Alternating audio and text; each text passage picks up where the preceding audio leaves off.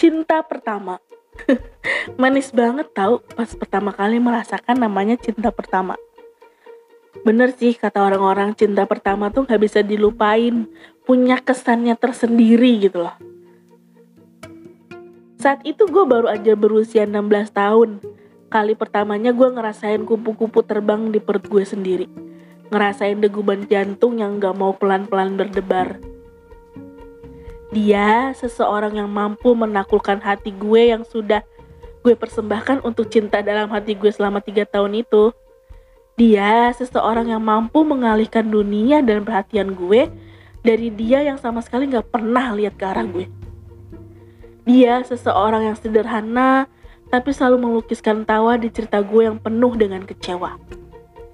Saat itu dia adalah murid baru di sekolah Walau murid baru, tapi dia sungguh pintar dan cerdas. Cerdas membawa diri dan beradaptasi dengan lingkungan yang baru, pintar dalam hal pelajaran. Ya, walau yang sangat dia kuasai adalah bahasa Inggris.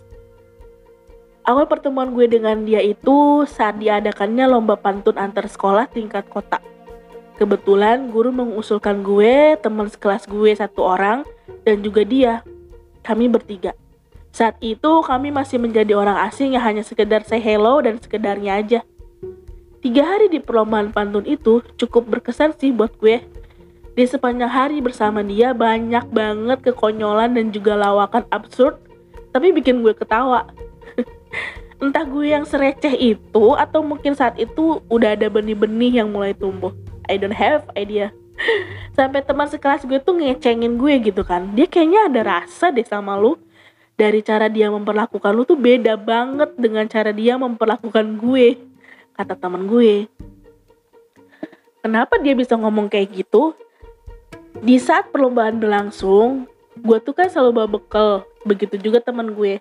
Nah kita tuh makan pas perlombaan sedang istirahat gitu kan. Kita makan berdua tapi dia enggak. Karena gue kasihan akhirnya gue tawarin dia buat makan bareng.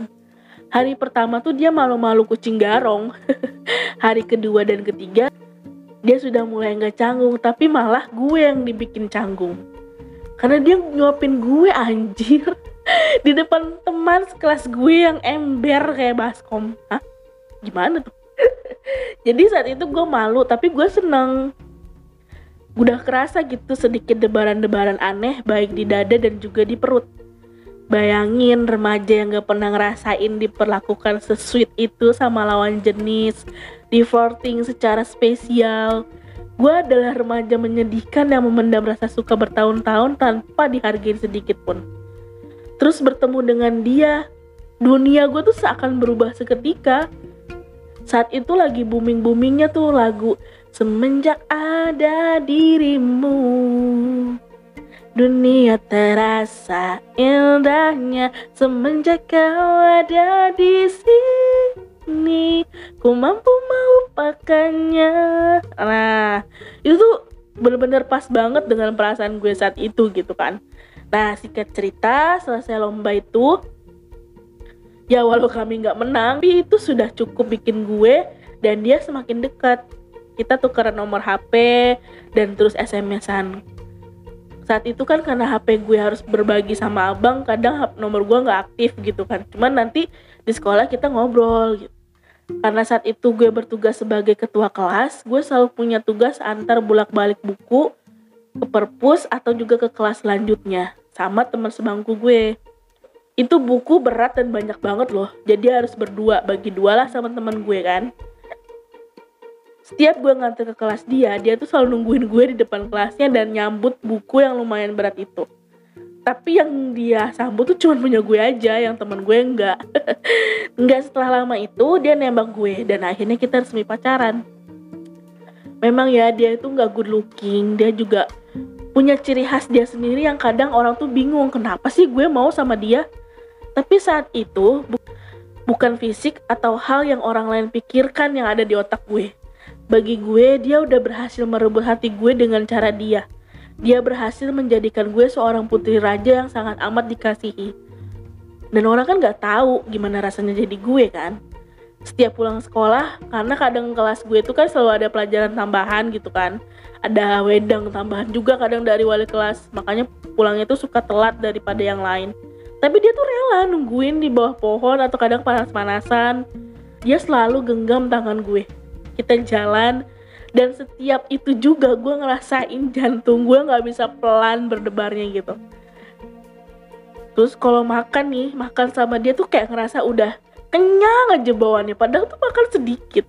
Padahal gue suka banget makan gitu tapi kalau sama dia gue ngerasa kenyang. Dan pernah nih ya saat itu gue pernah main ke rumah dia terus dia dengan lantangnya ngomong ke ibunya gini Mi dia panggil ibunya Umi kan Mi ini pacar aku Mi. Cantik kan? Gitu. Uminya tuh malah ketawa-ketawa aja. Tapi gue tuh kayak salting gimana gitu kan? Sampai pada akhirnya kita lulus karena lain hal kita beda sekolah. Padahal cita-citanya pengen banget satu sekolahan lagi. Tapi ya udah kita beda sekolah. Kayak LDRan gitu jarang ketemu. Ya walau masih sering SMS sih. Dia suka banget tuh main volley kadang gue datang ke tempat dia latihan dan kadang ke tempat dia tanding. Pulangnya makan es krim sambil lihat sunset itu sering banget. Sampai pada akhirnya pas kelas 11 gue ketahuan pacaran sama ibu gue di mana saat itu gue juga yang salah sih ya karena udah berbohong. Dan ibu gue tuh memang kurang sek lah sama dia. Dimarah apa berkali-kali tuh dimarahin pas tahu kalau gue tuh masih sama dia tapi gue aja tambeng keras kepala ya biasa lah ya emosi remaja ya kan. Semakin dilarang semakin dilakuin. Itu tuh saat itu gue inget banget saat Valentine.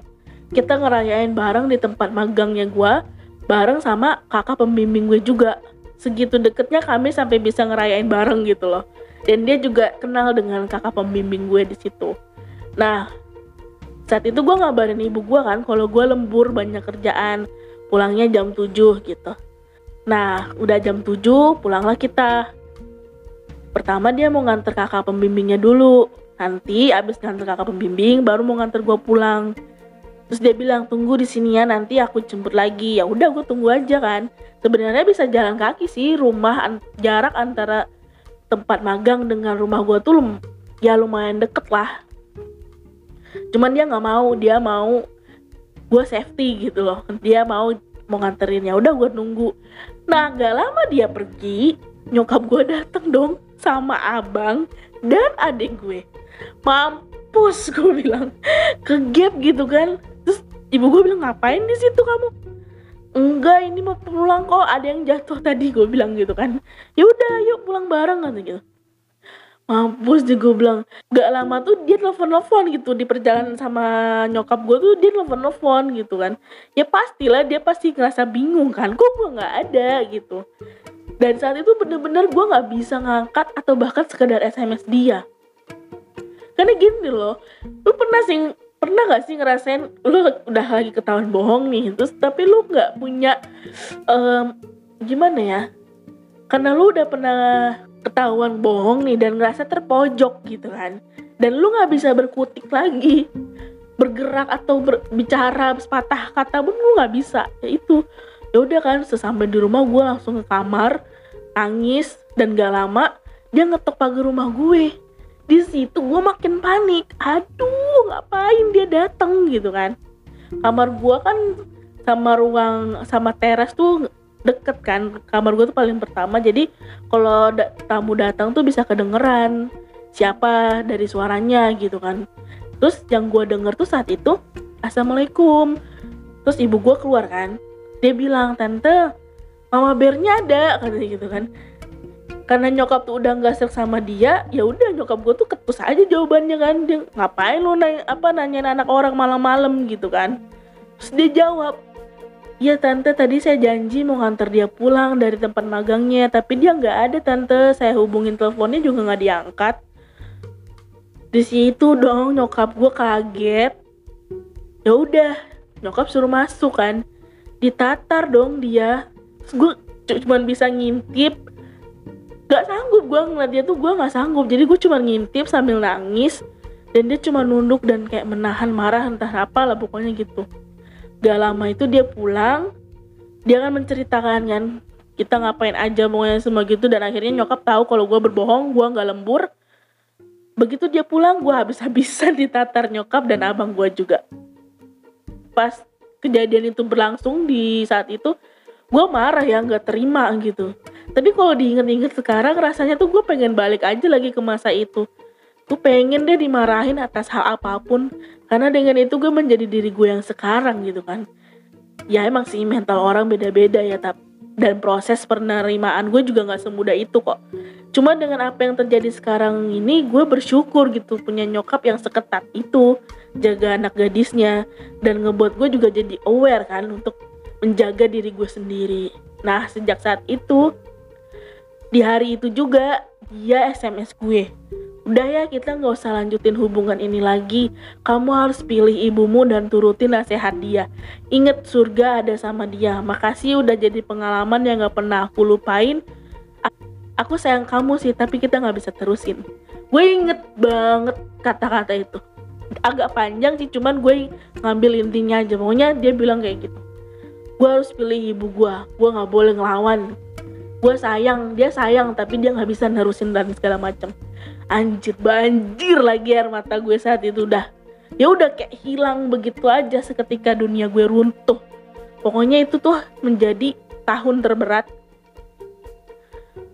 Kebesokannya gue langsung cari-cari info dia kan karena dia lang gitu begitu cepet gitu nutup akses blokir Facebook Friendster saat itu kan ada.